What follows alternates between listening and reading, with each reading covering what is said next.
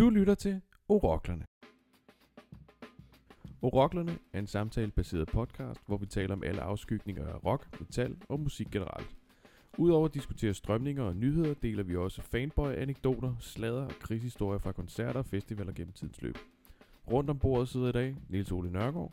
Han har en brændende interesse for grunge og punkhistorie. Dines Brøndel er aggressiv koncertgænger. Han ramte 250 koncerter i 2019. Og jeg selv, Rasmus Krøyer, kan med i musikvidenskab, og jeg har en fetish for biografier. To af os er udøvende musikere, men fælles for alle rundt om bordet er en dybt seriøs interesse for musik, primært rock og metal, siden 1990'erne. Vi starter dagens podcast med et lille problem, jeg har. Jeg får ikke hørt noget ny musik, jeg får ikke opdaget ny musik, og jeg øh, får ikke anbefalet ny musik. Hvis jeg får anbefalet ny musik, så bliver det lagt til side på mit øh, bibliotek, på min streaming-app, men jeg opdager ikke noget nyt. Nils Ole, Mm-hmm. hvad har du opdaget, siden vi så hinanden sidst, og hvordan opdagede du det? Siden vi så hinanden sidst, der har jeg opdaget en sang, der hedder Harakiri, af en, øh, af, en musiker, der kalder sig Dubravka Jusik. Jeg udtaler sikkert ikke navnet rigtigt. Men øh, ja, måden jeg har opdaget det på, det er sådan set fordi, at din lille søster Ditte har lavet en playliste til din datter Norma, hvor der er en, øh, en øh, det, det er vel sådan en, øh, ja, hvad fanden skal man kalde det, det er sådan en playliste med en, øh, en masse kvindelige sangere på. Ja, hun Øh, lavede, hun lavede brændt tre CD'er, Ja, lige præcis. hvor øh, kriteriet det var, at det hele skulle være kvindelige forsanger, fordi Ja. min datter er pige. Det er det. Og der er rigtig mange af de, øh, de kunstnere, der er på den playliste, som jeg simpelthen ikke kender eller har hørt om før. øhm, der er også enkelte, jeg har hørt om, såsom ja, øh, du nævnte Hole. der er Hole, og der er Kim Gordon og Skunk Nancy og den slags der. Noget Bikini Kill og Babes in Toyland. Det er jo sådan nogle af dem, jeg godt kender. Ej, jeg husker Fleetwood Mac også. Stevie Nicks. Nej. Nej. faktisk- Garbage. Shirley Manson. Nej. Ja, det, det, det er lidt pinligt. Og jeg kan også se, der er L7 på. Den Der er vel også noget Janet Jackson imellem. Nej. Jamen, den, den, er, den er ikke komplet, den her playliste endnu. Det kan jeg godt ligesom se på det hele. Mm-hmm. Men så lad mig spørge dig, Niels Ole, hvornår har du sidst opdaget et, øh, et nyt yndlingsband? Og hvad var det? Åh, ja. Jeg kan selv indskyde, at jeg for tiden tripper helt vildt over øh, Currents-pladen Tame Impala fra Ja. 2015. Den Åh, har ja. jeg svært ved at komme forbi. Jeg har faktisk ikke fået hørt den nyeste plade med dem, fordi jeg ikke kan komme forbi den anden plade her. Ja, det er også virkelig en god plade. Øhm, åh, jamen altså, dem der sådan lige kommer i tanken, men det er jo del med mange år siden. Altså, øh, sidst jeg sådan fik mit mind blown, det var da jeg hørte øh, Ice Age øh, debutalbum, men det var jo helt tilbage i 2011. Oh, ja. Der kan, jeg, der kan jeg huske, da jeg sådan, øh, gik rundt øh, i Rigskov, da jeg boede i Aarhus, og lyttede til den, der var jeg virkelig sådan, okay, fedt, altså, Jeg kan huske, i 11, der flippede jeg meget over det band, der hed Ocean Size. dem kender jeg ikke. Det, de, var, de var lidt i samme familie som Biffy Clyro. Det var bare mere mm. eksperimenterende. De brugte forskellige pedaler, og tromslæren, han lavede noget mærkeligt og sådan nogle ting. Okay. Det var ikke, øh, det var ikke metal, men det var helt klart eksperimenterende rock. Det, de lavede fire plader, jeg opdagede dem. Jeg tror, jeg opdagede dem, da jeg læste, at bandet var gået i opløsning. Ja, okay. De, har, de har spillet på beta på Amager. De har spillet på beta jeg er på Amager sådan noget måneden før, at jeg begyndte at høre pladerne. ja, okay. Øhm, så det var faktisk en ret trist historie, fordi de gik hen og blev mit totale yndlingsband rigtig hurtigt. Ja, okay. Men øh, Currents-pladen med Tame Impala, det, det, jeg synes, den... Øh, grund til, at jeg connecter med den plade, det jeg synes, den giver mig noget håb for musik. Jeg ved godt, det er meget store ord, men det er håb for ny, det er en ny måde at angribe musikken på, uden at det skal være programmeret beats, uden at det Mm. skal være et eller andet, der er tydeligvis er lavet på en computer, for den har stadig noget noget organisk over trommespillet. Den har stadig noget kras i bassen, og der sker stadigvæk nogle underlige ting, og han synger mærkeligt, og der er mærkelige synthesizers på, videre. Mm. Det er en Mhm. plade, jeg hører rigtig meget lige for tiden. Det er super fed. Hvad hører du mest for tiden? Uh, jamen altså, jeg, øh, jeg, jeg har det egentlig med sådan meget at bare shuffle igennem nogle af de playlister, jeg har liggende på, på Spotify. Altså, så det, det er egentlig ikke noget sådan... Altså, jeg, jeg lytter til alt muligt. Altså, der er ikke nogen, jeg lytter mere til end andre.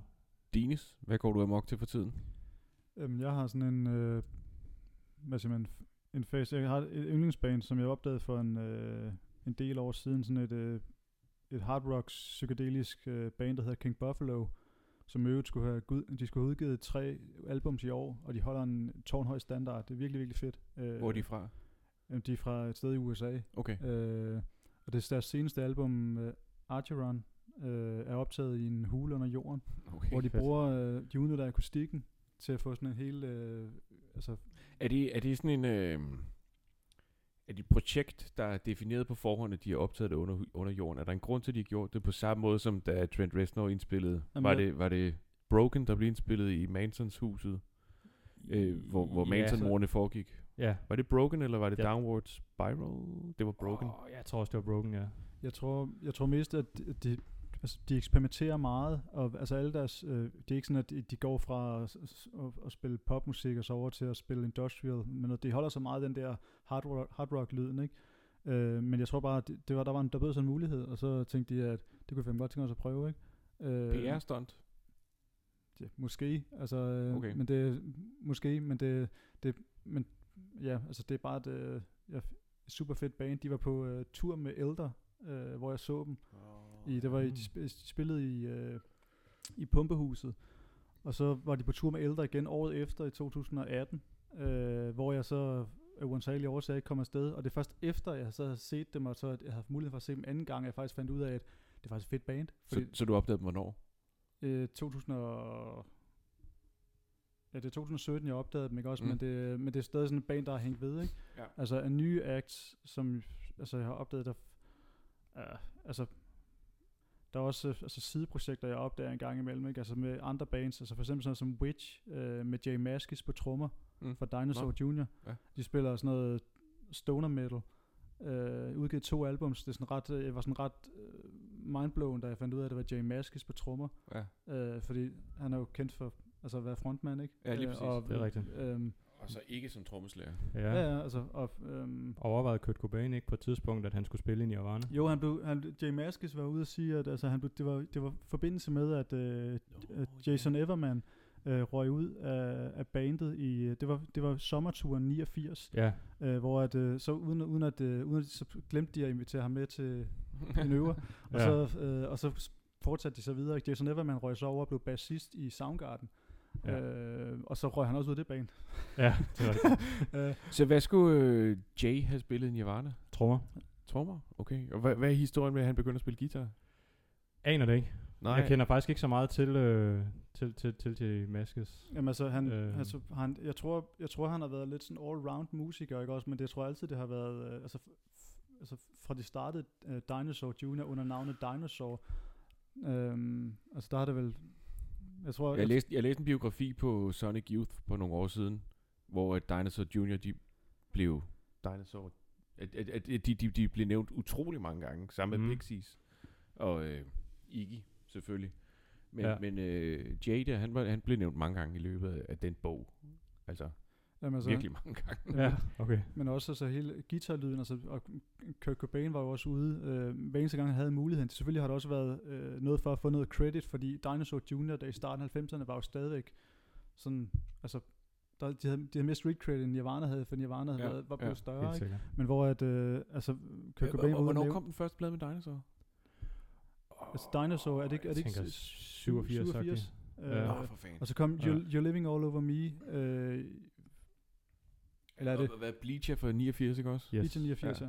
ja. Øh, og så udgiver de, øh, altså Bug-albumet bliver det sidste af den sådan klassiske trio, hvor det er Mm. Murph. Den har jeg på vinyl, det må jeg bare lige Jamen, det er hurtigt. en fucking Uh. fed skive. Øh, også fordi, altså det er faktisk min, det er min, Bug er nok min yndlingsskive med dem af deres øh, klassiske albums, fordi den der frustration, der er opbygget i bandet, altså hvor de begynder at blive uvenner, de er jo stadig uvenner der i dag, de taler jo aldrig sammen på scenen. altså, de, Okay. de, de, altså det, det var sådan interviews, hvad det, og, og, og sådan ting, hvor at, at jamen, de har ikke nogen kommunikation, det er bare deres fælles, øh, at de er sammen ja. der, ikke? Og de udgiver, hvad hedder det, Beyond, og deres comeback-album er den originale, øh, hvad hedder det, trio i 2007, øh, som også er en, et, altså nogle gange kan man være lidt nervøs for det, når der er et band, der, går, der ikke går i opløsning, men der sådan forsvinder, og så kommer de klassiske musikere tilbage, Ja. Mm. og så bliver det noget fucking Noget lort. lort, ikke? ja. Jo. Øh, Det er sket den, før. det, jamen, den eneste, den eneste hvad hedder det, undtagelse, jeg, øh, hvor at, udover dem, øh, som jeg kender, det er jo altså øh, Deep Purple's Perfect Stranger. Mm. Hedder det Perfect Strangers? Jeg tror, jeg hvad Øh, hedder det? Perfect Strangers, ja, tror jeg. Øh, med Richie Blackmore og tilbage igen, og så på et tidspunkt så i, efter to albums mere, så siger Reggie Blackmore, fuck det her lort. Ja, jeg, jeg Mm. har ikke hørt den. Det har jeg sgu ikke hørt. Jeg, jeg ved ikke, jeg, mit Deep Purple, det stopper vist... Ja, det kan jeg ikke engang sige rigtigt, men, men jeg har de gamle på vinyl, men øh, er det nyere ting, hvor Steve Morse på og sådan Ja. nogle ting, der øh, Jamen, jeg, altså, jeg stoppede jo med at, altså jeg ville jo gerne have set dem live, fordi... de, Deep Purple for mig, det er med Richie Blackmore. Ja, lige, kan man sige det Ri- Richard Blackmore, John Lord, Ian Gillan, Ian Pace og Roger Glover, ikke? Ja. Som Roger Glover er det vist det eneste medlem, der har været med på alle skiverne. Ja, det kan godt. Øh, men hvad hedder det, men altså, Det er ham, der, han kommer snart til Danmark, så frem til at coronaen ikke... nej, det er, det, det er, det er, hvad hedder det, det er Ian øh, Pace, det er tromslæren. Ja, Det er, Mm. hvad Ja. hedder det, Perpendicular, eller? det ved jeg ikke. eller, Jeg, eller, jeg behøver ikke se det. Nej, men hvad hedder det, men, øh, men jeg havde, jeg havde psyket mig lidt op til at ville se dem, fordi de var, før pandemien var de jo annonceret til at skulle spille Royal Arena på den Mm. der Woosh-tur, eller hvad Mm. fanden den hedder. Men så fik jeg tjekket flere og flere videoer ud, sådan live, og så tænker jeg lidt, altså gider jeg se det der? Altså, Ja. fordi det var også, altså, det var også det sådan, altså Iron Gillan, altså et, et signaturnummer for mig med, med Deep Purple, A Child in Time fra Helt In. Rock, Mm. Helt klart. og det, det har de ikke, og jeg har siddet og fucking reddet mig alle mulige spændende steder over, at, øh, men de har ikke spillet Child in Time siden 2002. Det Jeg så, Okay. jeg så Deep Purple i 2001, og der spillede de ikke Child in Time. Så er det måske før. Og der gik historien på, at det var på grund af hans stemme, at han ikke ville kunne... Øh, Jamen, Åh, ja. Ja, det er, er reelt nok, ikke? Men, øh, Mm. Ja, ja, altså, og man, manden er jo også i altså 70'erne, og det har altså ikke været på det andet tidspunkt, men, men der sker jo også noget med, med stemmen, ikke? Altså, øh, men, men jeg synes bare, det... Altså, jo, så kan du komme og høre Lazy, og hvad hedder det, øh, hvad hedder det, Black Knight, ja, så videre. Highway Star. ja, og- et eller andet, men, men Mhm. altså, fucking Child in Time. Ja, de spillede, ikke, de spillede den ikke dengang. Nej, altså, August, august 2000. og, den, altså, og det var, det- altså, da jeg sådan jeg opdagede... tror faktisk, det var, det var fredagen efter, jeg startede i gymnasiet. For det ikke skal være løgn. Okay. at fejre det. Jamen, Har du altså, nogensinde set Deep Purple, Niels? Nej, aldrig. Nej, nej, nej, nej. Nej, og det er faktisk i det hele taget ikke et band, jeg sådan har dyrket super meget, eller det, det, det er først kommet sent. Altså, Ja. Jeg synes, det er super spændende med de der 12 øh, live-albums, de har udgivet nu. Er det ikke det er 12 live-albums, ikke? det, det er Pink Floyd. Det er Pink, Floyd. ja. Sorry. Fuck, det er pinligt, det klipper vi lige ud det her. Pink Floyd har jeg ikke set live. Jeg har set Roger Waters. Vi klipper lige det her ud, okay? Nej, den klipper vi ikke ud. har I set Roger Waters live? Jeg var, jeg var Aldrig. der i, i Royal Arena øh, sidste gang, han spillede i Danmark i 2018 eller 19. Du var der også. Jeg var der også, ja. Jeg var lige blevet Øh. reddet i øjet på det tidspunkt, da min datter hun havde snuppet en fli af mit øjenæble. Ah, Så skal man fejre så, det med jeg, så jeg sad og græd hele koncerten igennem, og det var ikke Altså- øh, af smerte, det var simpelthen bare fordi, der viskede et eller andet ud af... ah. Og jeg var, jeg, var, jeg var sådan, altså jeg har haft har intention om at se ham før også, da han turnerede med altså The Wall-albummet. Ja. Øh, og sådan, Gud ja, der, der så jeg ham sgu da også, mand. Fuck, det havde jeg glemt, mand. Og så havde- 2011 så jeg ham i parken. Var det, var det også med, altså, fordi han, han har jo, han har Roger Waters har jo sådan traditionelt haft alt muligt, øh, altså, altså meget sådan fordybende oplevelser, sådan Ja. med laser og Ja. hvad det, lys og sådan ting. Ja. Altså det har også været, også, The Wall har jeg hørt det der med den der, altså store, Jamen, det var helt spektakulært. Og af en eller anden grund, så tænker jeg, at nu havde jeg set det, så jeg behøvede ikke se det, da han kom tilbage med The Wall. Og det har jeg fortrudt lige siden, og jeg kan ikke huske, om Ja. det har været i 13 eller, eller 12 eller noget af den stil. Jeg så ham i hvert fald i 11 i parken. ja. Og så på Roskilde i 2006. 2006. det kan godt passe. Orange. Orange. Plads, ja. Der havde lavet surround sound på scenen. Var du med der, Dines? Nej.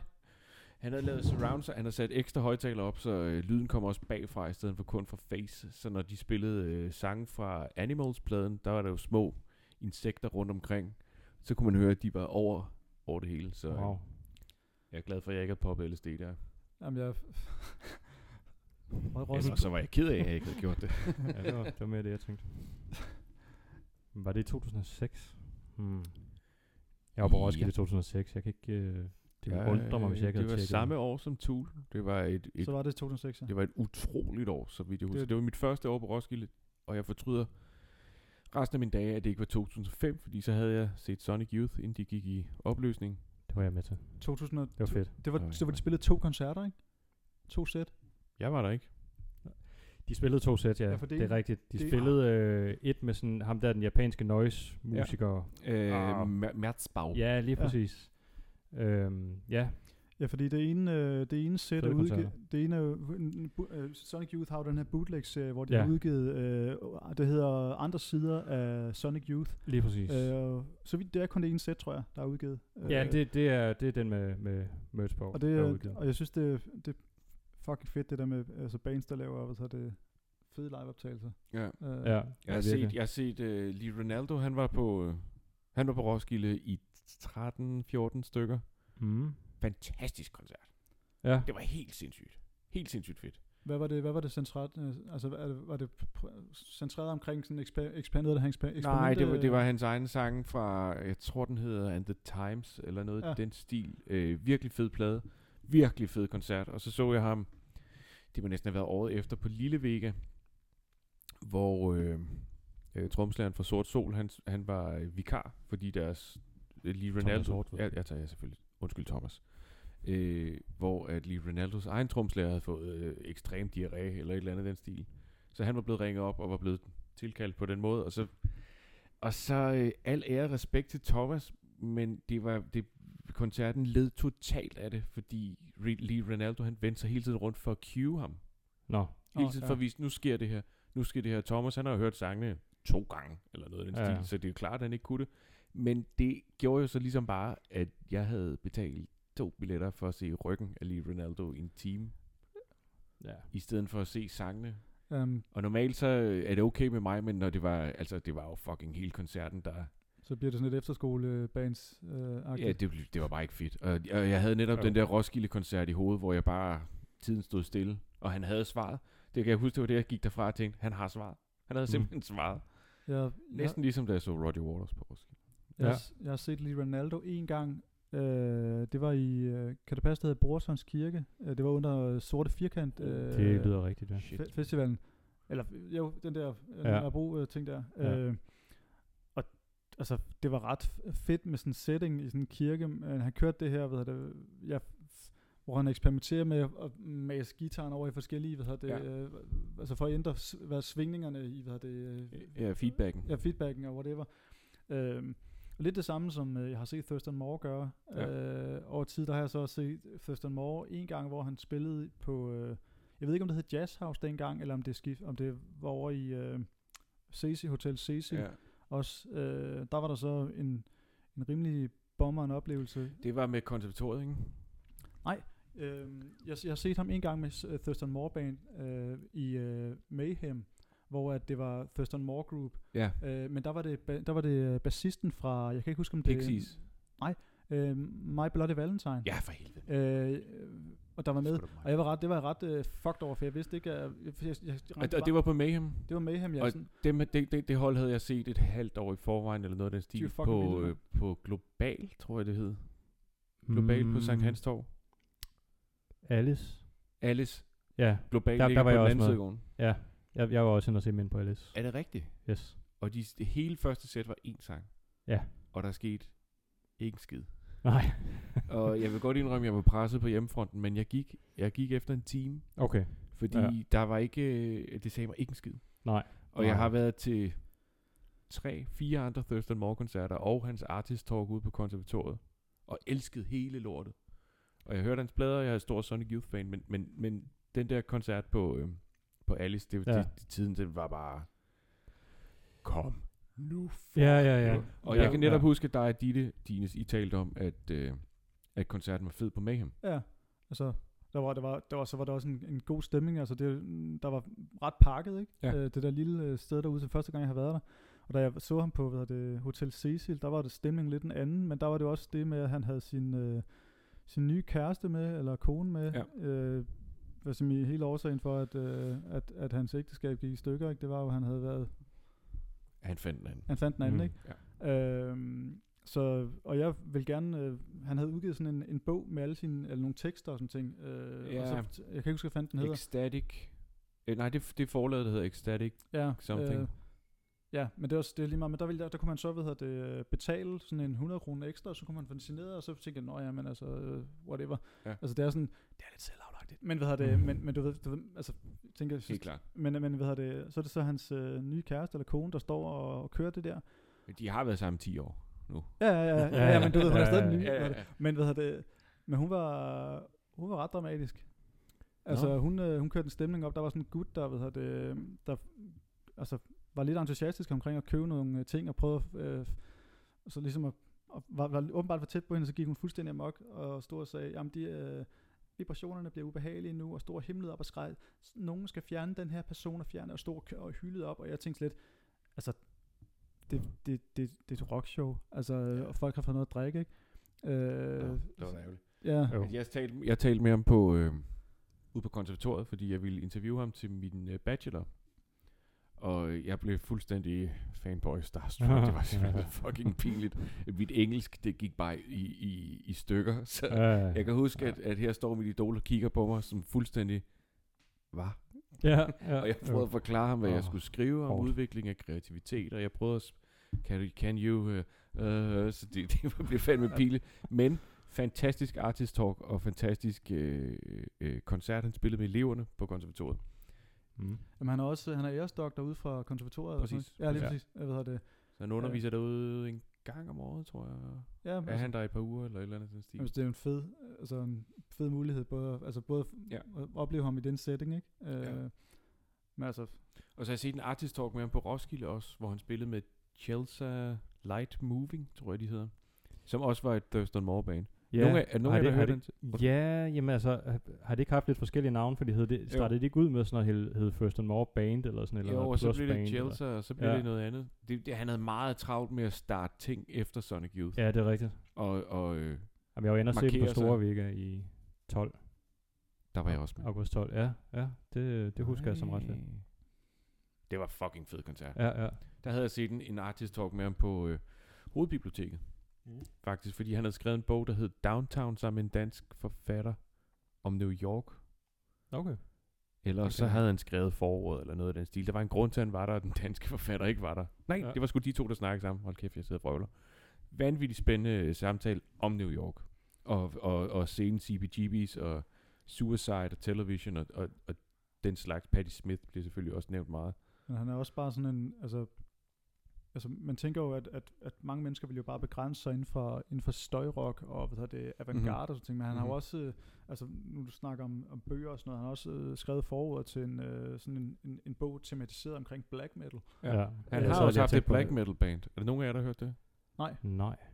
Men Ja. det er rigtigt, ja. Han havde black metal band på et tidspunkt, som Ja. ja. man pludselig heller ikke hørt mere om. Jamen det, og jeg, jeg, på et tidspunkt, der øh, ville jeg jo gerne, efter jeg havde set ham inde på Hotel Cecil, der var det hovedsageligt øh, det her album Rock and Roll Consciousness, han spillede fra, ikke? Ja. Og så prøvede jeg efterfølgende ligesom at samle, se om jeg kunne få det hele, alt med Thurston Moore. Ja.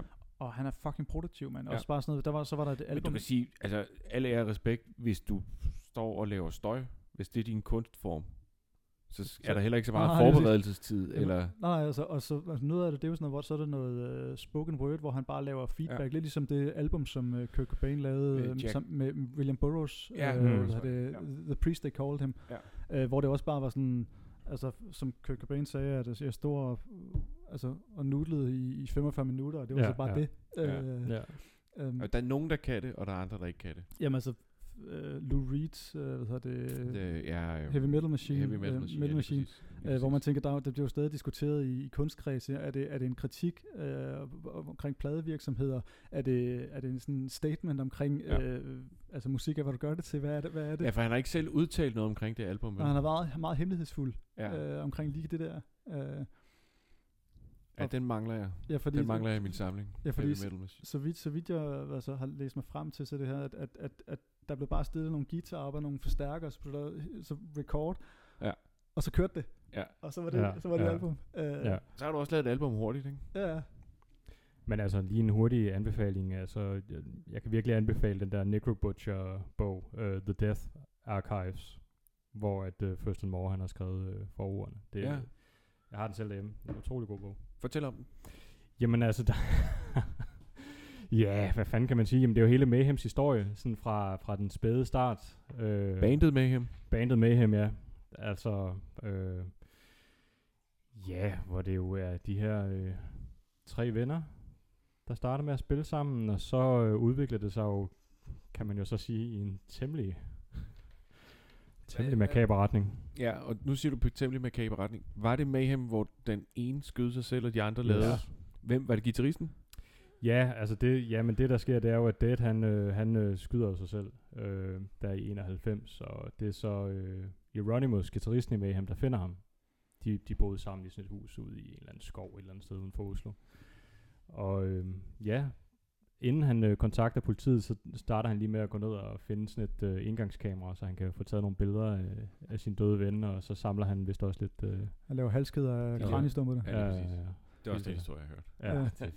Men, men Sindssygt. Thurston har skrevet forord til den bog. det har han, ja. Jamen, som han er, jo, han er jo kæmpe... Den, den er, det er virkelig en god bog. Altså, utrolig øh, fede billeder og stå i og sådan noget. Altså, det, det er...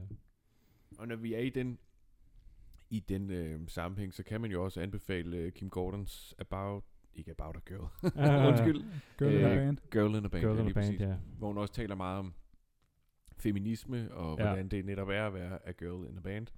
Og taler, hun kommer også med nogle slibrige historier om deres skilsmisse, Ja, hvis man er til den slags slader. Jamen, din Uh. lille søster gav mig bogen. Ja, så har du været tak for det, Ditte. Jeg er ikke kommet helt igennem det endnu, Nej. men øh, det, jeg har læst indtil videre, det er virkelig, virkelig godt. Den er meget interessant. Ja, det Den er jeg. faktisk overraskende interessant. Og, Ja. og jeg, jeg, jeg er jo totalt, jeg er jo biografi sucker øh, fetishist. Same. Øh, så jeg, jeg synes, det, at læse om tiden i New York, før, hvor de starter Sonic Youth, og hvordan hun møder de her to drenge, der spiller for Glenn Branca Orchestra, Ja. ja. hvilket jeg utrolig gerne ville have set. Ja. Øh, hvordan det er at- køre rundt i en bil og sætte plakater op på øh, Manhattan, fordi at man er ved at starte band, og, og tiden og så videre. Ja. ja. Det er en bog, der kan anbefales, Stines. Mm. Derimod er jeg ikke sikker på, at jeg har hørt meget Kim Gordons musik siden. Jeg har ikke fået hørt den seneste plade, hun kom med. For her var det Mm, mm, sidste mm, mm. år, to år siden. Ja, det er... Ja, det, det, det er en ret ny plade. Nok kun et par år gammel. Jeg har heller ikke fået fuldt så meget med med Kim Gordon. Øhm, men jeg synes heller ikke, at... at Hun har øh, gjort så meget i Art World, i Ja. hvert fald. Ja, Så det er måske mere den slags installationer, hun har fokuseret på. Ja, for jeg så, hun havde lavet en eller anden, øh, hvad er det, sådan et eller andet galleri, hvor der havde været noget, sådan noget underlægningsmusik kombineret Ja, med præcis. sådan nogle Lige abstrakte billeder og sådan noget. Øh, Man kan, vi kan også anbefale øh, podcasten fra Heartland, hvor at øh, Kim Gordon, hun i samtale med Torben Sangil, taler med, øh, hvad hedder hun, Natasha fra Pussy Riot, øh, hvor de taler om, om kunst netop. ja. Nu kunne det, nu kunne det være fedt, hvis jeg kunne huske hendes efternavn. um, hmm, ja. Det kan jeg sgu ikke. Ramos, Krovis, Jo, men jeg, jeg kan se her Kim Gordon No Home Record 2019. 19. var det. Jeg har, jeg har lyttet lidt til den sang, der hedder Murdered Out derfra. Den, Mhm. er, den er virkelig også anbefalesværdig. Det, jeg har så også kun lyttet til den sang, så jeg har faktisk ikke lyttet til hele albumet. Om ikke andet, så stak samtalen hurtigt af. Vi kom jo fra, hvad vi har opdaget for nylig, hvordan vi opdager nyt musik. Er der nogen af jer, der stadig øh, læser en artikel på Gaffa og angriber et nyt band? ja, Ja. Eller skal I have det anbefalet af andre? Altså, altså, jeg, jeg, altså man kan sige, GAFA øh, har jo sådan nogle, nogle gode overskrifter en gang imellem, og nogle anbefalinger og noget, ikke? men altså, jeg bruger mange forskellige hjemmesider øh, til det også, så sådan noget som, altså i forhold til, nu er det så efterhånden lidt øh, forældet, hvad hedder det, øh, redskab, men altså Last FM hjemmesiden, Mm, ja. bruger jeg også en del i forhold til at, altså, og så, så får du anbefalinger baseret på, hvad du lytter, ikke? Øh, der, der, det var stort omkring 2006-2010, og nu er det jo kun bare mig, der bliver hængende, og, Ja. Niels også. Ja, ja. Ja, jeg tog. Men, men Ja. også, men også Mm. altså Rock Freaks' hjemmeside, øh, Blast Beast, øh, hvad hedder det, Devolution, nogle af de ting, men også, øh, altså, og Facebook synes jeg også er et fantastisk redskab til det, altså det, det var det stort set det eneste, jeg bruger det til.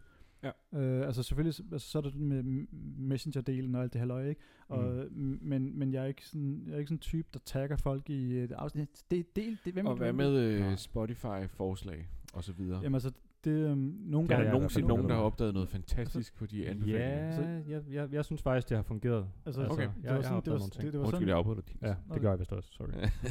hvad er det? Jamen, det var sådan, jeg opdagede uh, Crunt, uh, som er et uh, sideprojekt uh, for Babes in Toyland, uh, Kathleen, uh, Kat Bjelland. Mm. Øh, ja. Hun havde et, et, et, med, med sin, sin daværende mand, uh, som var, det er lidt, lidt det samme som hvad det, Babes in Toyland, men og kortlivet, fordi så blev det uvenner. hedder det? Mm. Men så, så nogle gange virker det, men andre gange så får jeg sådan, hvor jeg tænker, at hvorfor fanden anbefaler I Wolfmother, når jeg hovedsageligt hører, hvad hedder det, altså hvad, beskidt, altså så hører fucking, hvad hedder det, scratch acid, og hvad hedder det, Mm. øhm, som, og det var, det var et scratch acid, tror jeg faktisk, jeg opdagede, fordi jeg hørte Melvins. Og så, jeg vidste, at, øh, jeg vidste, at der var masser, der havde snakket om det i sådan Seattle. Øh, både Soundgarden og nogle af de andre bands Mm. snakkede om Scratch Acid, ikke? Mm. Øh, hvad David Yao, øh, som nu er med i, hvad hedder det, hvad hedder det, Jesus Lizard, øh, som har eksisteret også spillet på Roskilde to gange. Øh, men hvad det, men ja, så, så nogle af tingene virker, andre, og andre gange, så, er det, så får jeg at vide af dig, Rasmus, eller Nils eller Ditte, det skal man, det skal man lige tjekke ud det her, eller, øh, eller også noget, som jeg også især opdager ny musik med, det er, at, at jeg insisterer på, når jeg er ude, når der ikke er fucking corona, øh, og der er ikke nogen, der spiller i Danmark, så se supporten. Ja. Altså fordi jeg, jeg, jeg, det, det, jeg, jeg, ser, jeg ser alt for mange mennesker, og det er ikke fordi, at folk må jo gerne komme og sige uh, creator, uh, og så bare komme for at se dem, og så er det det, køb, deres, køb fem forskellige t-shirts og smut, ikke?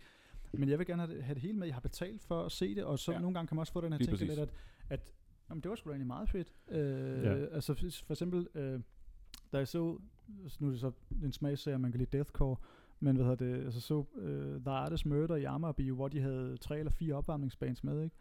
Så kan man sagtens stå der bagefter og sige, jamen det kan godt være, at det ikke helt var fedt, men man fik i hvert fald altså, fik, fik en aha-oplevelse. Oplevet noget. Øh, Mm. Og hvad med dig, Niels Ole? Og hvad snakker vi om? musikanbefalinger. Musikanbefalinger. Opdag Og- ny og- musik. Øhm, Øh, hvordan, support hvordan, bandet. hvordan gør du, Niels? Jamen, altså, altså, jeg har brugt den der funktion på, på Spotify med, at, øh, at andre, der kan lide øh, det her, lytter også til det her. Og Ja. ja. den, den har jeg benyttet mig lidt af, og det, det har fungeret meget fint. Men altså, ellers så har jeg også øh, øh, nogle venner, som sådan øh, fast sender mig nogle, nogle anbefalinger. For eksempel lige shout-out til, til vores ven Ulf. Altså, han er, han Ja. er virkelig god til at lige at, at smide et eller andet band efter mig. Sådan øh, deres bandcamp øh, side, øh, whatever, eller andet. Noget, jeg ikke har hørt før. Det er en rigtig god til. Så tak for det, Ulf. Vil sige, den største øh, overraskelse, jeg fik over et supportband, det tror jeg skulle næsten var Chelsea Wolves til A Perfect Circle Ja. i forum. Fordi jeg havde hørt Mm. det nogle gange, og jeg synes, det var lidt, nå ja, det er fint nok-agtigt. Men koncerten, jeg blev fuldstændig, wow, Ja, ja. det var oh, Chelsea virkelig god var- koncert. Jeg har desværre kun, øh, jeg har fortrudt bitterligt, at jeg ikke tog ind og så uh, Perfect Circle, netop fordi Chelsea. Wolf var der. Ja. fordi jeg så, jeg har kun set hende på Roskilde, hvor at lyden var fuldstændig knippet. Ja. Altså, der var kun, der var kun bas. Øh, og det, ja, vil stor foran det. Jeg stod helt op foran, og det, og det, det, det var, og det, man kan sige, det er jo i, et- fucking telt, ikke? Altså, Ja. men det, det rungede simpelthen så meget, og så nogle gange så forsvandt øh, hendes vokal og noget, ikke? Øh, men jo, altså, men nu skal hun, hun skal jo spille med, øh, øh, hvad det, der hedder sådan, øh, hedder det Blood Moon projekt ja, Sådan, ja, at De ja. har, hun har lavet et band sammen med, hvad hedder det, og hvad fanden hedder de, mand? Øh, også en metalcore. Øh, Ja, ja, ja, gruppe. ja. hvor de også skal spille på Roskilde, hvor at, øh, Blood Moon. Ja, det hedder bare Blood Moon. Hvad hedder det? Hvad hedder det? Åh, hvad er det, det hedder det band? Det, det, øh, de har, ja, ja, Kom så, Niels. Kom så. Jamen, jeg så dem, øh, jeg så dem på Roskilde i 2019, og jeg var blown away. Øhm, åh, man, jeg er så dårlig til at navn. Sorry. Øh, Converge. Jeg Converge selvfølgelig. Converge, nå. Øhm, og, det, øh, og det er faktisk den eneste grund til at være på Roskilde øh, næste år. Øhm, fordi jeg er blevet for gammel til at købe hvad hedder det, øh, en helt fuld Roskilde-billet, for der er simpelthen ikke musik nok, det jeg gider at høre. Nej. Øh, altså, s- Og det er jo tilbage til det, jeg lige sagde med 2006-året. Altså, jeg kan huske, jeg, jeg bladrede programmet igennem, der var otte bands om dagen, jeg bare skulle se. Ja. Øh, Ja. altså, altså, og jeg var også, altså, hvad var det? Var, så det, kunne jeg dø. Øh, altså, var, det, Ja. var det 2005, at uh, Velvet Revolver og Audio Slave spillede? Ja. Yes. Fuck, og man. Green Day og Foo Fighters, ikke? Jamen, det er, altså, Foo Fighters, det var allerede i deres me-periode, men altså, men, øh, alt efter one by one.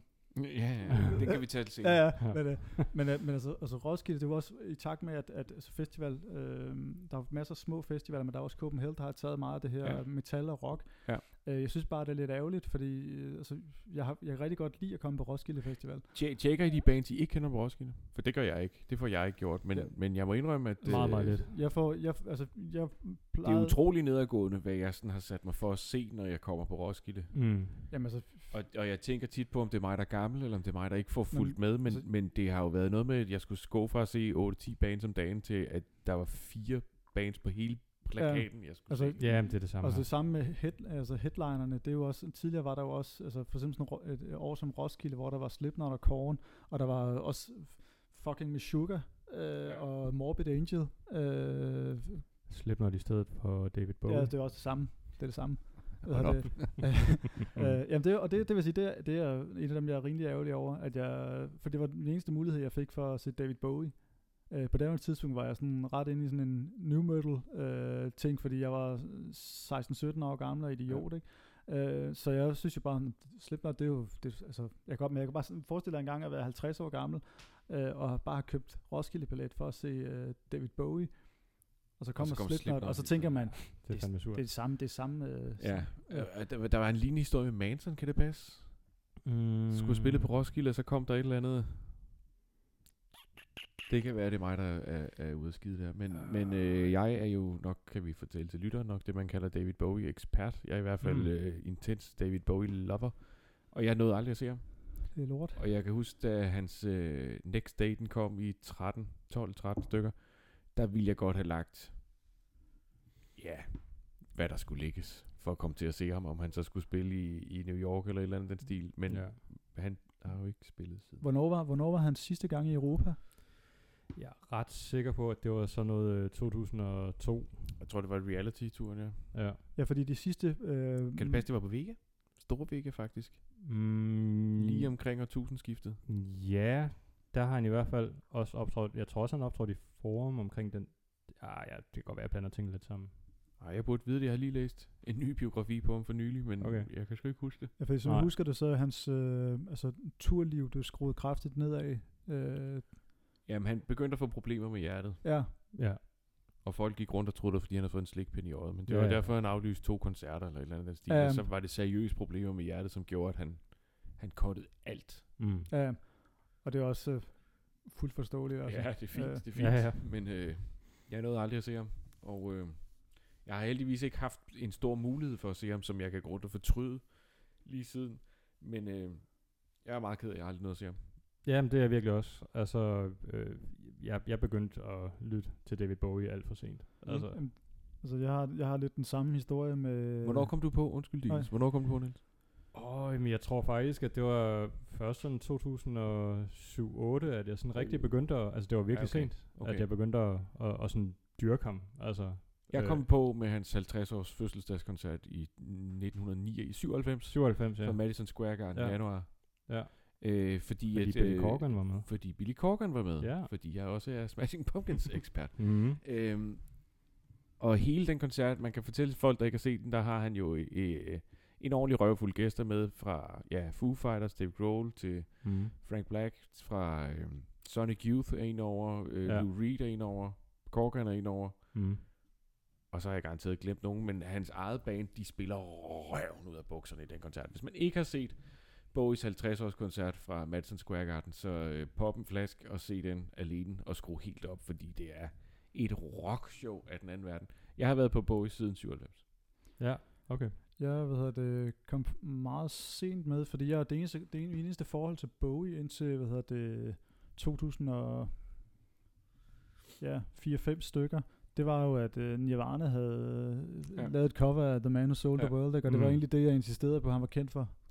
Øh, Jamen, altså, ja, hvad det, men, men hvad hedder det, så fik jeg købt øh, altså, The Man Who Sold the World albumet, og Ziggy Stardust, øh, Ja. and the Spiders from Mars. Ja. Øh, The Rise and Fall of Ziggy Stardust. And undskyld. Hvad hedder det? Men, øh, men altså, fucking fede skiver. Altså, og, så, ja, ja. og så, jeg er ikke, jeg er ikke øh, altså, nogen, altså, virtuose inden for David Bowie, men altså, jeg, altså, altså, der er i hvert fald en 5-6 øh, skiver, som jeg har været super glad for at opdage. Ja. Også Har I hørt det, han har lavet med Trent Reznor? Nej, jeg har, se, jeg har set, Nå. han, han, var, han figurerede til en koncert, ikke? Jamen, der er, Øh, der er sådan en, histo- der er sådan en øh, historisk koncert, kan du kalde det, du kan også lade være, hvor at Nine Inch Nails og Bowie, de var på plakaten sammen, men der var ingen, der ville, det har været omkring lige efter øh, Downward Spiral-tiden, og øh, Outside-tiden hos Bowie, og ingen af dem ville på først, øh, eller ingen af dem ville på sidst, ingen af dem, hvem fanden ville på efter Bowie. Mm, men Bowie, ja, han er altså Bowie, så han vil heller ikke på efter Trent Reznor. Så de lavede det her, øh, de lavede den, den, den, den her idé med, at de går lidt på samtidig, og de blander hinandens sæt. Så går gitarristen lige ud her, fordi så kommer øh, øh, Robin Fink ind og spiller her, og så går han ud og sådan, så de, de, det, det var en flydende koncert med Bowie og Nine Inch Nails sang. Så spiller vi syv øh, Nine Inch Nails sang, spiller vi syv Bowie sang, så spiller vi en, og så synger de Hurt sammen, og så spiller de Scary Monsters sammen og så videre. Ikke? Ja. Ja, for Den jeg, ville jeg godt have været med til. ja, for jeg tror nemlig, at jeg klart. sådan random nu, vi snakker om det der musik, øh, altså algoritmer, der går ind og hjælper dig med at opdage ting, hvor jeg kom forbi en videooptagelse øh, fra det gig, Mm. hvor de er på scenen sammen. Husker jeg forkert, eller hvad hedder det? det kan Nej. passe. Hvad hedder det? at- og det er jo det der, hvor teknologi hjælper en. hvad det? Ja. Men øh, ja, altså jeg, og jeg kan huske, da, jeg, hvad hedder det, da Black Star kom ud, der, hvad hedder det, selvom jeg ikke havde fulgt super meget med i hans sådan, materiale de senere år, så konstaterede jeg bare, kæft er det mørkt, og så døde han bare tre dage, fire dage ja, senere. Ja, var det Ja, så? ja, det var... Det var sådan noget, altså jeg var også tænkt lidt, der er den der, hvad det, øh, Og hvis du dykker ned i Dark, i, i Black Star, ikke Dark Star, Black Star, så synger han jo netop om, at han skal dø. ja, det er præcis. Mm. Og Altså- han tænker tilbage på, hvad der er sket, og han ligger og har, Altså, har kraft og så Jamen, det videre. der Lazarus, øh, Ja. hvad det, jeg kan huske, det var, det var lead singlen, ikke? Jeg, jo, øh, jeg tror, øh, Black Star, det var den første single. Ja, for der kan jeg huske, der så jeg musikvideoen på YouTube, og det der med at uh, look I'm in heaven og alt det Ja. ting. Og han går ind i, forsvinder ned i et skab og ligger, i, uh, ligger på sit uh, dødsleje, og Ja. de der, Det er kunst. det, det, altså Mm. det, det, det, jeg synes, det er fucking uh, fantastisk at gøre, altså Det er kunst. at gøre sin død til, til en kunst, altså også, Han, det, han gjorde, det lykkedes ham at gøre sin død til en del af sit værk. altså, Og den, den har jo et niveau mere, fordi øh, Lazarus, det er en, en karakter fra Bibelen, som der dør og genopstår nogle dage senere. Han havde jo indspillet sange, der var planlagt til at komme det samme antal dage efter han var død. Og i en af de, de sange, der synger han jo, at... Øh, ja, hvad synger han? Øh, han synger noget med, at jeg skrev de her sange til at fuck dig op, og sige, nu tog jeg røven på dig. Sådan et eller andet i den stil. jamen, det, var, det, var det sådan, var det den der No lille- Plan. Ja, den, den den EP. EP, ja, lige Åh, ja, præcis. no Ja, det- Plan. Ja. Øh, jamen, jeg synes, det fucking, altså, Og hvad hedder den? Just Taking a Little Time, Giving a Little Time, hedder den sang, jeg taler om nu. Han synger netop om, at, øh, at han genopstår og Ja. ja. render røven. Ja. Jamen, fordi han havde, han havde også forud for det, der havde han jo også planlagt nogle af de her, hvad det, bagudskuende øh, katalogudgivelser. Ja, ikke? de her massive bokse. Fordi der var sådan, altså, jeg, jeg har vi- virkelig gerne ville fordybe mig, men jeg har ikke kunnet ligesom legitimere det, fordi, men, men der var også, der var også nogle fede liveoptagelser og alt Ja. andet, men, men hvor jeg bare blev overrasket over, altså jeg vidste godt, at han, når, man, når man har så stort et, altså, man, Jamen, en boks er jo på 11 CD'er. det er helt fucked, altså, og, det, og, øh, Og han har udgivet fire indtil videre, ikke? Ja, ja, og der er jo flere, hvis du går ind og, øh, nu er det et stykke tid siden, jeg var inde og kigge øh, på det sidst, men nogle af de der planlagte udgivelser, også øh, øh, compilations for relateret sådan øh, sideoptagelser øh, optagelser Ja. og, og sådan ting, hvor jeg tænker, det er, manden er jo, altså han er fucking, fucking produktiv, ikke? Altså øhm, B-sider, øh, alternative mixes, alternative takes, guide vocals, alt muligt Og den dårlige plade, den dårlige Bowie-plade, øh, Never Let Me Down, den er blevet genindspillet. De har beholdt hans vokalspor, så har de andre musikere genindspillet pladen, fordi han ikke var tilfreds med pladen. Det var også en del af, af planen. Lige At hvis nogen gad kigge på det, så kunne jeg godt tænke mig, at den her plade var blevet bedre. Jeg tror, materialet måske var der, men fik ikke gjort noget af det. Okay, fint nok, den fikser vi, Bowie. Bare wow. læg dig til at dø. Okay. Okay. Altså, og det er jo også Vildt ting, nok. han havde planlagt, ikke? hvad, også, der var også øh, de her, nogle af de her famøse, hvad hedder det, øh, altså aflyste albums, altså, øh, hvad hedder det, hedder det ikke Toybox, eller hvad hedder Jo, det? Øh, Toy. Tøj, Og- den, den var fra reality-perioden. Ja, øhm, men der var, altså, det var, det var, jeg synes, det er fedt, at man får det tilgængeligt. Tøj, det var en plade, der ikke udkom alligevel. Det var genindspilninger af gamle sange, Ja, eller andre versioner af, af tidligere udgivende sange. Øh, øh, og der var nogle super gode ting på. Der var Shadow Man, er en sang, man kan fordybe sig i. Mm. Den kom senere på den compilation, der hed Nothing Changes. Nothing Has Changed. Ej, hvor, det er da også sjovt, jeg ikke kan huske, huske titler, når vi sidder og laver det her. Jo, øh, han er min held. Bowie er min held, helt klart. Og det skal vi også snakke mere om en anden gang. Helt klart. Har I hørt om uh, den der mail-korrespondence, der var mellem Dave Grohl og, og David Bowie? Øh, du fortæller os noget om Dave Grohl nu, at han har skrevet en mail. Okay, lad os høre. Ja, men det er simpelthen, for, det, det, det er ret sjovt, det er fordi Dave Grohl, han havde skrevet en eller anden sang, hvor han så havde tænkt, jeg, jeg tror det var til et soundtrack eller sådan noget, hvor han så tænkte, den her, den skal, det vil være helt oplagt, hvis David Bowie, han synger på den her, så han skrev en mail til David Bowie, om han ville det. Han får et svar tilbage, sådan at, ah, det var ikke, det var ikke lige noget for ham. Og så kører den sådan lidt frem og tilbage, sådan, øh, Dave Grohl, han har sådan en eller anden idé om, sådan, at han begynder at snakke om den der, netop den der fødselsdags, øh, kæmpe fødselsdags øh, Ja. ja. ting, der er i 97. Ja. Om ikke, øh, om ikke øh, vi skulle gøre det igen og sådan noget, og så... Øh, Grohl er på to sange, 97, ja. Ja, ja, og så, øh, og så, så David Bowie, han svarer også tilbage sådan, øh, at, at nej, jeg, jeg er løbet tør for fødselsdag, Ja, så svarer han tilbage og sådan noget, ikke? Øh, og, men det var fedt, skriver det, eller siger David Bowie så, men det var fedt, var det ikke, og sådan noget. Øh, og, så, og, så, og så skriver han til, til Dave Grohl, okay, så er der styr på det, kan du så fuck af? Ja. Og så, hvor, hvor Dave Grohl han så der, hvad? Hvad? Ja, Hvad for noget? Fuck off!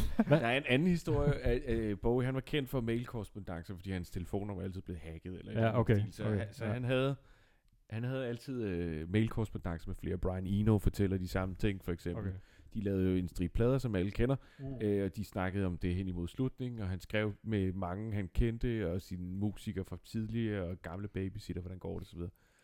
Perry fra øh, Jane's Addiction, Mm, ja. Han stod i spidsen for de her tribute-koncerter i New York, øh, efter Bowie døde, og var meget stor Bowie-fan, og det kan jeg godt høre, og det kan jeg godt se på, på, øh, på hans virke. Mm. Men han skulle, øh, han ville skrive til, han fik fat i Bowies telefonnummer, og han ville skrive til ham, men han kom til at dele hans telefonnummer med hele sin egen telefonbog, eller sådan noget. Den oh. Så pludselig så var det, var det altså en ordentlig flok mennesker, der havde Bowies telefonnummer, hvor det var noget med, Bowie var til stede og kiggede over, hvad fanden er du laver, mand? Shit. Eric Clapton har Oh. sagsøgt en dame i Tyskland for at sælge en bootleg til, til, hvad var det, 10 dollars, eller var det lavere end det? Jeg tror, det var 11 dollars. 11 dollars. Det er jo... Og er der nogen, der er helt op på den historie? Jamen jeg altså sådan ikke helt op på den, men altså det, det skal jo også lige nævnes, at, at hun er enke, og det er hendes øh, afdøde mands øh, Eric Clapton bootleg, som hun har sat til salg, uden at hun overhovedet var bevidst om, at det var en bootleg, eller at der var nogle problemer i det. Eller, altså, Hvad synes vi om bootlegs? Altså, Hvor jeg, mange, er, er I bootleg-købere? Altså, jeg tidligere, i min, i min tidlige, øh, hvad er det, CD-samler? CD-samler type, hvor jeg havde en, øh, en 600-800 CD'er. Der var, hvis jeg for, for eksempel var i Tyskland, hvor man på daværende tidspunkt havde en, en meget sådan liberal øh, tilgang til det med bootlegs, der kunne du gå ind i hvilken som helst musikbutik, ja. så du købe øh, bootlegs med. Altså min, min yndlings Smashing Pumpkins øh, CD, det var øh, en soundboard-optagelse for Tivoli øh, plænen, Ja, hvor de lavede sådan sindssygt jammede udgaver af, hvad øh, det, Transmission? Ja, Bullet with Butterfly Wings, hvor, det, Ja. hvor det alting, altså det var fucking fedt. Fucking fedt. Jeg elsker fucking de der den periode, hvor de bare, øh, altså, ja, okay. Det, er en- det er en koncert, der stadig gør ondt på mig, at jeg gik glip af Tivoli-koncerten. så snakker vi ikke mere om det. Ja. Så. Men altså, Jeg min, måtte, ikke, jeg måtte ikke få fri fra lejerskolen for mine forældre. det var så de kunne- 98, ikke? jo, mig 98. Det var, det var, Maj i, 98. det var i Ja. Adore. Det var Adore. Ja, Og lige Adore før, lige før Ja. at er Adore. Øh, og det er også lige meget, de spillede i hvert fald nogle, de spillede nogle af numrene fra... Ja, det har været lige før dog. Den er fra juni ja, 98. øhm, Ja. Og det lyder rigtigt, det var maj 98, fordi jeg skulle cykle til Ærø med... med For at se Smashing Pumpkins. nej, for at se Smashing Pumpkins i Ærøskøbing. Og jeg måtte ikke komme til Tivoli, og det holder jeg stadig imod mine forældre. Ja, Men- ej, det er heller ikke i men, orden. men altså, men, men Det gør fandme ondt. Altså Ja, nogle af de der, nu er også, og det samme også sådan nogle legendariske Nirvana bootlegs og Zeppelin bootlegs, men, Ja. men så blev jeg, kom jeg mere og mere ind i uh, community, altså Live Nirvana, som er sådan en nørd hjemmeside, som mig og Niels er en, er en del af, ikke? mm. hvor at, uh, man fandt ud af, at, uh, at altså 99,9% af alle de optagelser, der ligger på bootlegs, den kan du få gratis i bedre kvalitet. Ja. Øh, hvor at, at der ikke, det, er ikke, det er ikke så genereret bånd, det kommer fra nogle af dem er master tracks og sådan noget. Mm. Øhm, så jo, altså bootlegs, det har jeg spenderet meget tid på at gøre stadigvæk. Altså når, lige snart der kommer en, samme her. en, øh, en optagelse med altså en, upgrade af en eller anden Nirvana-koncert, ja. så man lige se det der, og så skriver jeg til Nielsen, jeg så du det der, men han smadrede Mm. den der, og så Og hvad med, hvad med bootleg vinyl? Er det noget, I gør, ikke? Mm, jeg har ikke, Nope. Jeg Jeg, har tror, ikke, jeg øh, har, øh, jeg har sat live med Tool på vinyl. Ja, Live-optagelsen der, der kom imellem øh, Anima og Laterellas. Jamen det er det der, det det der, hvor et boxsæt blev udgivet på VHS og DVD, sådan limited et eller og andet. den har jeg også. bum, bum. Men jeg har Ja. også en, øh, en pirat bootleg af den, hvor den er Jeg har en, øh, på vinyl. Jeg har en, øh, nu vi snakker om bitter historie. Jeg købte en, øh, hvad hedder det, det var fordi, jeg vil gerne have alt med, med Tool. Det var der omkring, lige, før, øh, lige omkring 10.000 Days kom ud. Øh, i 2006. 2006. hedder det, og så var der min kammerat, øh, Kenneth, som godt ville have, hedder det, øh, altså han ville gerne have alt med Tool, så ville jeg gerne hjælpe ham. Så bød jeg på en, øh, en Salival boxset med VHS Ja. på QXL, hvis jeg kan huske den budside. Ja. Øh, der kostede 87 kroner. Og så han fik den, og så gik der sådan øh, to-tre år, så fandt jeg ud af, What have I done? for, ja, ja, altså, øh, øh, godt for, godt for Kenneth, det er slet ikke det. Ved det men, men jeg var sådan lidt bagefter, ah, fuck, mand. Og så Ja. fik jeg kigget på eBay, hvad de der sæt, de kostede, mand. Og så i takt med, at det blev mere og mere populære på baggrund af 10.000 Days øh, udgivelsen, så steg alting jo bare, mand. Alting Ja, blev, jeg købte den for 400 kroner i akkord sidste jul. øh, jeg, det, dummeste, jeg nogensinde har gjort, det var, at jeg solgte min uh, The Airplane Flies High, ja. Smashing Pumpkins, uh, den der, Ja, ja, ja. ja. den solgte jeg for 180 kroner på, uh, på Undskyld, hvad er Aeroplane Fly Side? Det skal du selvfølgelig lige det er sådan sådan en sing, single box set fra, hvad hedder det, med Smashing Pumpkins fra uh, Melancholy and Infinite Sadness æraen. Et fucking fedt set, og så er det sådan et, et uh, hvad det, imiterer ligesom sådan en 60'er vinyl box. Uh, og den, uh, den var ret dyr. Der er fem, fem EP'er i.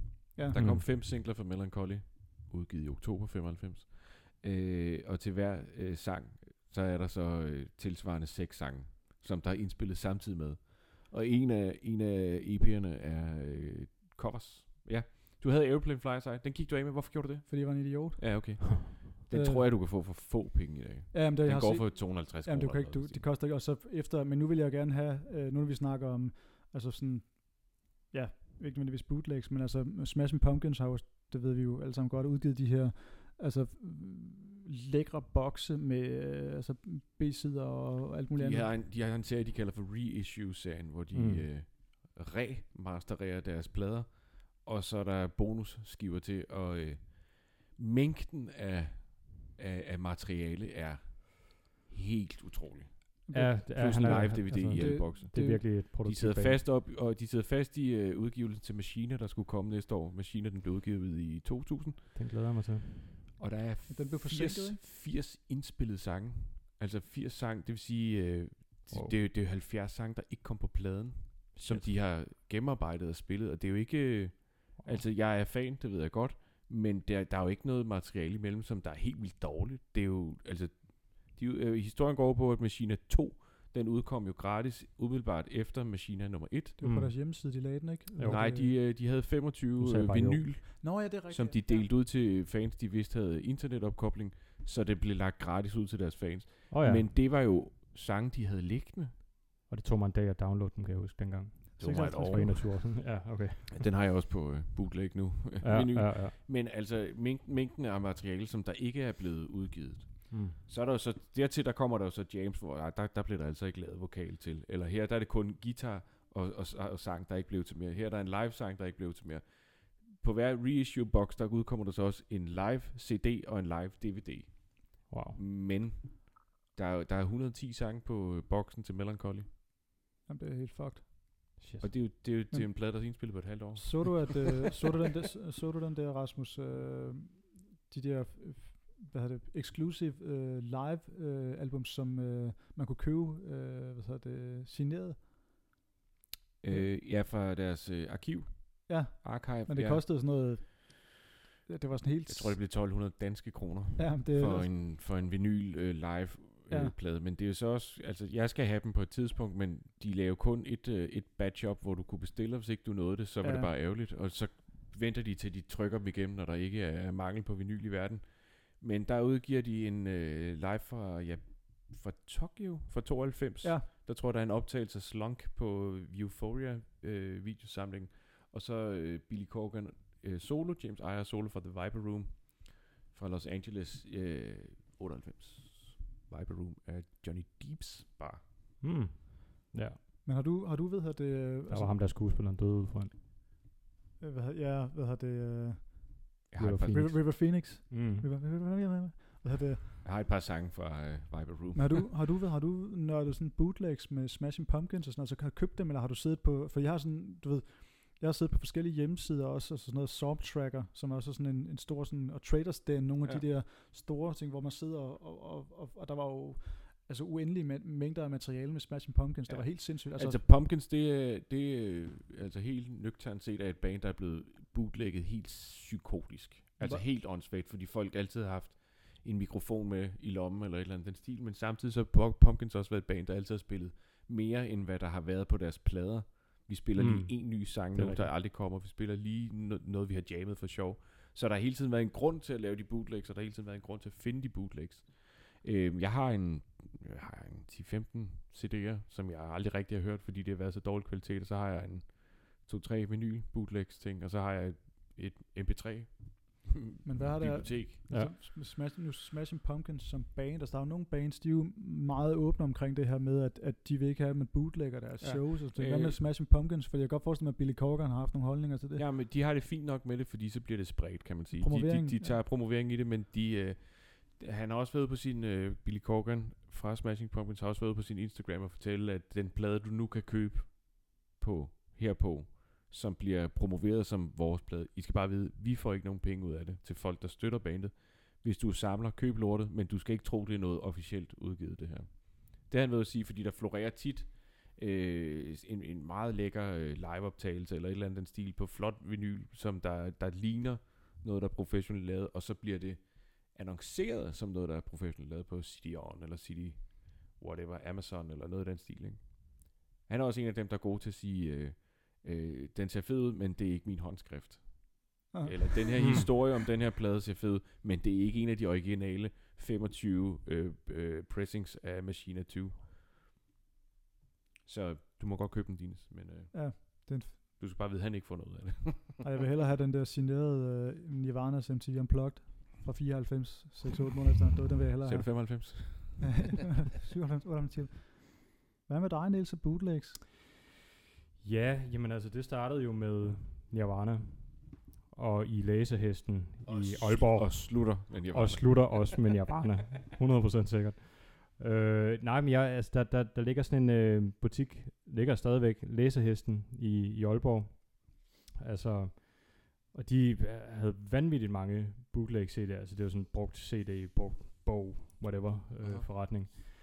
Øhm, og der kan jeg huske, at jeg var inde sådan en dag i omkring 98 eller sådan noget, og, og hen, og, hen under N, og, og se, hvad de har af Nirvana-ting, og så dukker der bare en masse bootlegs op, sådan Outsisticide, øh, som er sådan en meget kendt, øh, Nirvana, de udgav den her compilation i 92 officielt, som hedder Incesticide, som er en samling af B-sider og alt muligt radiooptagelser og sådan noget.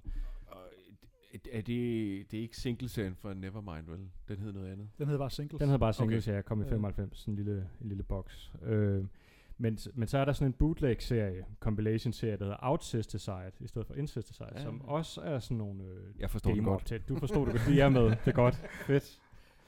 Øh, altså, og det er sådan, det, det, det, det gik jo lige pludselig op for mig, sådan at, hov, nå okay, du ved, hvad fanden er det? Øh, og så opdagede jeg Nirvana Fan Club, en dansk øh, Nirvana-side af Rasmus Holmen, øh, som sådan var den store ting, inden det her live Nirvana kom. Øh, og, og der kan jeg huske, at jeg begyndte sådan at trade nogle bootlegs med, med ham tilbage i, i slut 90'erne og sådan noget. Og det var jo, derfor gik det var totalt old school med, at man... Øh, Ja, hvad, hvad, hedder, hvad, hvad kalder man det? Sådan, øh, det, der, er- det har et officielt navn, men altså det er sådan noget med, at jeg så for eksempel sender fire kassettebånd til ham, og så får jeg to tilbage Åh, med, øh, spændende. med, Uh. med, med liveoptagelser på. Ja. Så det var sådan, det foregik. Jeg har også øh, traded, øh, det var så før vores internetforbindelse hjemme hos min far og mor var noget værd, så brugte jeg, hvad hedder det, øh, altså snail mail, sendte bare et brev, Ja. med, så satte du på, at pengene kom frem, Ja, hvad det, Ja. og så nogle gange, så fandt du så ud af, at, øh, det gjorde de ikke.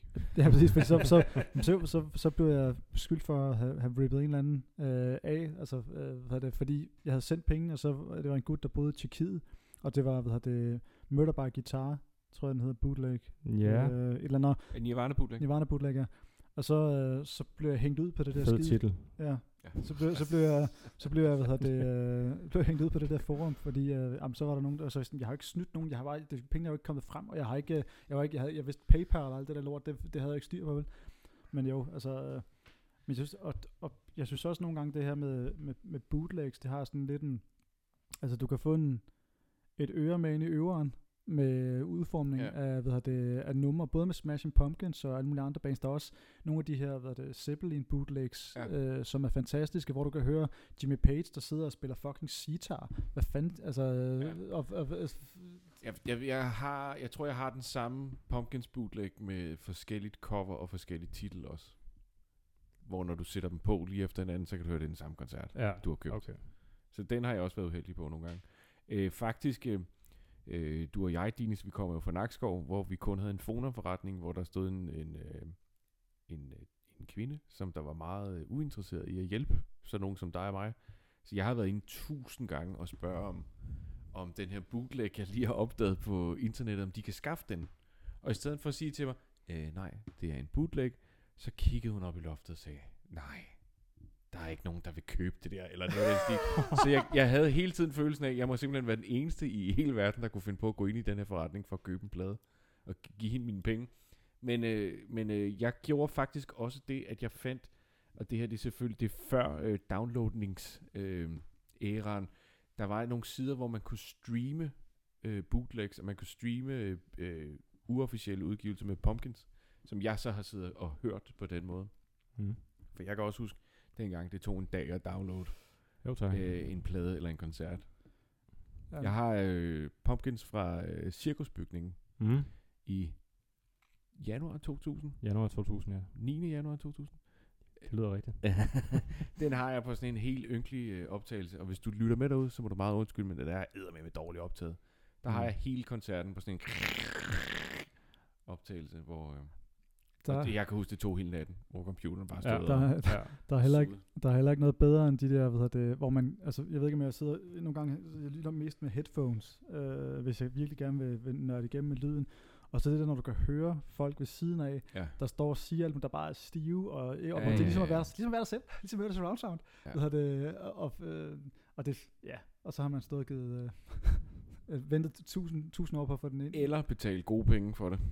Ja, altså jeg kan, der var også, der var, der, lige i den æra der, der var der også mange, der ernærede sig ved at have sådan en hjemmeside, så kunne du købe, Ja, øh, og så var det bare sådan helt komprimeret, øh, 128 kilobit, øh, kilobyte, hvad hedder det, kilobit, Jeg, jeg, kilobyte, jeg hvad- tror, jeg har også en, øh, jeg har en Machina, øh, en Machina bootleg, som jeg købte i New York i 2002, eller noget af den stil, som er fuldstændig uhørlig. Men Okay. jeg har givet 200 kroner for den, Ja, ja, ja. 250 kroner for den. Du kan ikke høre, hvad der foregår, fordi der står en stiv mand ved siden af jer. Hvilket vi i oroklerne i øvrigt ser utrolig meget ned på, hvis du er en af dem, der taler, mens der er koncert. Shame on you. Ja. Tak. Lad være med det. Forstyrrer min koncert din samtale. Hvad er den værste oplevelse, jeg har haft til, hvad hedder det, til live-koncerter, hvor der har været forstyrrende elementer? Jeg kan godt nævne 5-10 stykker. Den, den, den første, jeg lige kommer i tanke om, det var en, hvor, hvor jeg kan huske, du også var med, Dines. Øhm, Hvor du stod og snakkede til mig. ja, hvor, hvor du stod og, og bare råbte mig ind i hovedet under hele koncerten. Nej, hvad hedder det? Så skriv dog til hende. Ej, det er ham der bassist øh, slash forsanger fra øh, Sleep, hans, øh, hans projekt øh, Ohm. Er det ikke Nå, sådan, man jo, jo, det? jo, jo, jo, ja, i, i pumperen. Ja, i pumpehuset for nogle år tilbage. Og der var bare nogen, hold kæft, de knævrede igennem. Altså, var, var, var du ikke også henne og bede dem om at... Det var, men jeg kan huske, vi stod, vi stod, øh, vi, vi prøvede også at rykke os væk, men der var den der fest, den fortsatte bare. Ja, Altså det hele, den der, den der omkoncert, den, øh, den, den der bare, det eneste jeg kan huske, det er, at jeg blev mere og mere frustreret. ja, Ja. Og så stod jeg nede bagved til sidst, der var sådan, altså fuck det her. Altså, ja, ja, ja. og det var Ja, lidt ærgerligt, for det, jeg tror, det kostede 300 kroner eller sådan Ja, det var ikke, det var ikke billigt at se dem, men jeg kan godt huske, øh, jeg kan godt huske en meget frustreret Dines, der kom hen til mig og, og slet ikke kunne ud at være der mere. Jamen, det var helt, det er helt åndssvagt, altså, Jamen, jeg, og, og, altså, og det er også det er noget af det, der, altså, altså nu, som sagt, I ude i koncertgænger, de sidste gange, så kan folk godt finde ud af det, men altså, det er et stort problem på festivaler. Ja. Altså jeg så, øh, jeg så Bob Dylan på Roskilde Festival i 2019, eller det vil sige, det gjorde jeg ikke. Ja. Fordi Ah. øh, ved siden af, der stod der nogen og fortalte om, hvem der havde fået herpes øh, i, i går, og hvem, hvor meget coke de havde sniffet. Ja. ja. Og jeg var tænkt, og det var, det var, det, der var ikke nogen, der, der var ikke nogen, der gav en fuck for, hvem ham næsten var på scenen. Og det var Nej. sådan nogle 16-18-årige typer, og jeg stod bare i sådan en crowd, hvor jeg tænkte lidt, altså jeg, enten er jeg for gammel til at komme på Roskilde, eller også så skal de bare holde deres kæft. Altså Ja, fordi jeg var sådan ja. lidt, altså det, det, det, det for, hvis, hvis det der bliver hans sidste koncert i Danmark, mm. så, så ved jeg ikke, hvad fanden jeg gør. Så kommer jeg til at, altså det, det altså fordi statistikken taler for, at han nok ikke kommer på tur sådan lige nu. Ja. Mm. Øh, Ja. Og, og, og han, han er han er fyldt 80, ikke? jo, Øh, jo, han fyldte 80 til øh, på Øh. Smashing Pumpkins i Valbyhallen 2000, Ja, oktober. ja, Øh, der sad jeg fast. I kender, når man er så presset, man ikke kan bevæge sig, så sad jeg fast op foran. Og så var der en øh, ung kvinde, hvis mund var hen over min skulder, og hun skreg med på melodien. Tænk var bare, hun sang i en anden tonart, og, og hun sang så højt ind i mit øre, så jeg kunne ikke høre, hvad han sang. Øh, og jeg har jo været 14, han var sådan noget Ja, ja, og ja, hele ja. mit liv var det skide bane. Så jeg ville virkelig gerne se det. Der ville det koste 550, plus jeg kom fra Nakskov til Valbyhallen for at se dem. mm. Øh, den var stram, men hun besvimede hurtigt. Så. Nå, det var altid noget. jeg har også, øh, jeg har engang været inde og se, øh, jeg ved ikke, kender I alle sammen, øh, eller begge to, det her, hvad det, ja, du gør i hvert fald, du har været med inde, Niels og Senna Vosa. Øh, Ja, Første gang de spillede i Danmark, der var jeg rimelig psyched øh, på det. De spiller sådan noget lettere death-influeret, hvad det, thrash metal. ja. Øh, alle, sammen, alle sammen kvinder. Og der var jeg inde og skulle se dem inde i Beta i, ja, på Amager. Og jeg havde sådan sat mig godt ind i materialet, og, hvad det, og så var der dukket, og koncerten startede, så vidt jeg husker, klokken 7. Der var ikke noget, jeg tror ikke, der var nogen opvarmning. Øh, så det var ret tidligt på aftenen, man kunne komme hurtigt hjem, ikke? og jeg kunne komme hjem og prøve at se, om jeg kunne dumpe min kandidatuddannelse. Øh, men hvad hedder det, så var der dukket tre pisse stive, hvad hedder det, øh, Amager-drenge op, og altså, det stak helt af. Altså, de der, de, de, de Nervosa er fra Sydamerika, ikke? så de er vant til sådan, altså, Lidt af hvert. lidt af hvert med seksuel vold og hvad det, alle mulige ting. Og der blev ikke, øh, der blev ikke lagt fingre imellem dem, hvad de ville gøre med dem, og, og, sådan, og jeg tænkte, det, det var jo togkrummende. Og det er ikke fordi, de kunne stå og gemme sig i crowden, der var ikke udsolgt. Og, og, så, og så fandt jeg, så fandt jeg en lydoptagelse på, hvad hedder det, på, nu vi snakker om, om bøde lydoptagelse, der var en, der har optaget det med, med mobiltelefonkamera hele vejen igennem, og du kan bare høre de der gutter, åh, men skal hun have hjælp til at stemme sin bas, så kan hun godt, ikke? Og så tænkte lidt, fuck, mand. Altså, og, det var, og, det, og jeg stod bare, det var sådan, hvor jeg kunne ikke, jeg kunne ikke gøre en fucking kommentar. Det var, Nej. det var så fucking flovt. Nej. Øh, og deres første gig, og det, øh, så, ja, f- øh, men det var, altså ud af det, så var det en fed koncert. Jeg har set dem øh, tre gange efterfølgende. Men det, øh, og man går ikke over til folk og siger det, for så får man bare en på siden af, Ja, det er det. Ja, men det er lige en opfordring herfra til øh, alle dudes derude. Opfør jer lige ordentligt. Øh, jeg var Hold også, jeres fucking kæft. Ja, ja, ja, og hold jeres kæft. Altså, jeg, jeg var inde og se uh, Brutus øh, inde på Idealbar. det var der, hvor jeg gik tidligt. det var der, hvor du gik lige inden, øh, lige inden koncerten. Altså, og det er også, øh, de, de har jo den her kvindelige trommeslager slags forsanger øh, i, i det band, og på et tidspunkt mellem sangene, jeg så godt, der stod sådan en, en mega stiv idiot lige ved siden af mig, og sådan noget, og så gik han sådan hen til hende, de var sådan nede på, på gulvhøjde, øh, højde, bandet, og, øh, og så han, han, han jeg, mellem to sange, så går han sådan hen øh, og står og snakker til hende øh, helt vildt højt og sådan noget, og så begynder han bare sådan elegant til sådan at begynde at snave hende, og så er det bare sådan, altså han blev da også flået væk, men han blev, han blev ikke smidt ud, men det burde han nok have været blevet. Altså, shit. Opfør jer ordentligt. On that note, tilbage er der kun at sige tak, fordi du lyttede til Oroklerne. Følg os på Facebook og Instagram, hvor vi gerne modtager spørgsmål, rettelser samt forslag til emner. Find vores Spotify playliste, hvor det er vores hensigt at tilføje øh, alt, hvad vi har talt om i den her udsendelse. Tak til producer, indpisker og forsanger i Vulvatorius, Dille Krøyer. Og husk, smag er individuel og kan ikke diskuteres. Der findes derfor hverken god eller dårlig smag, medmindre du hører noget fucking lort.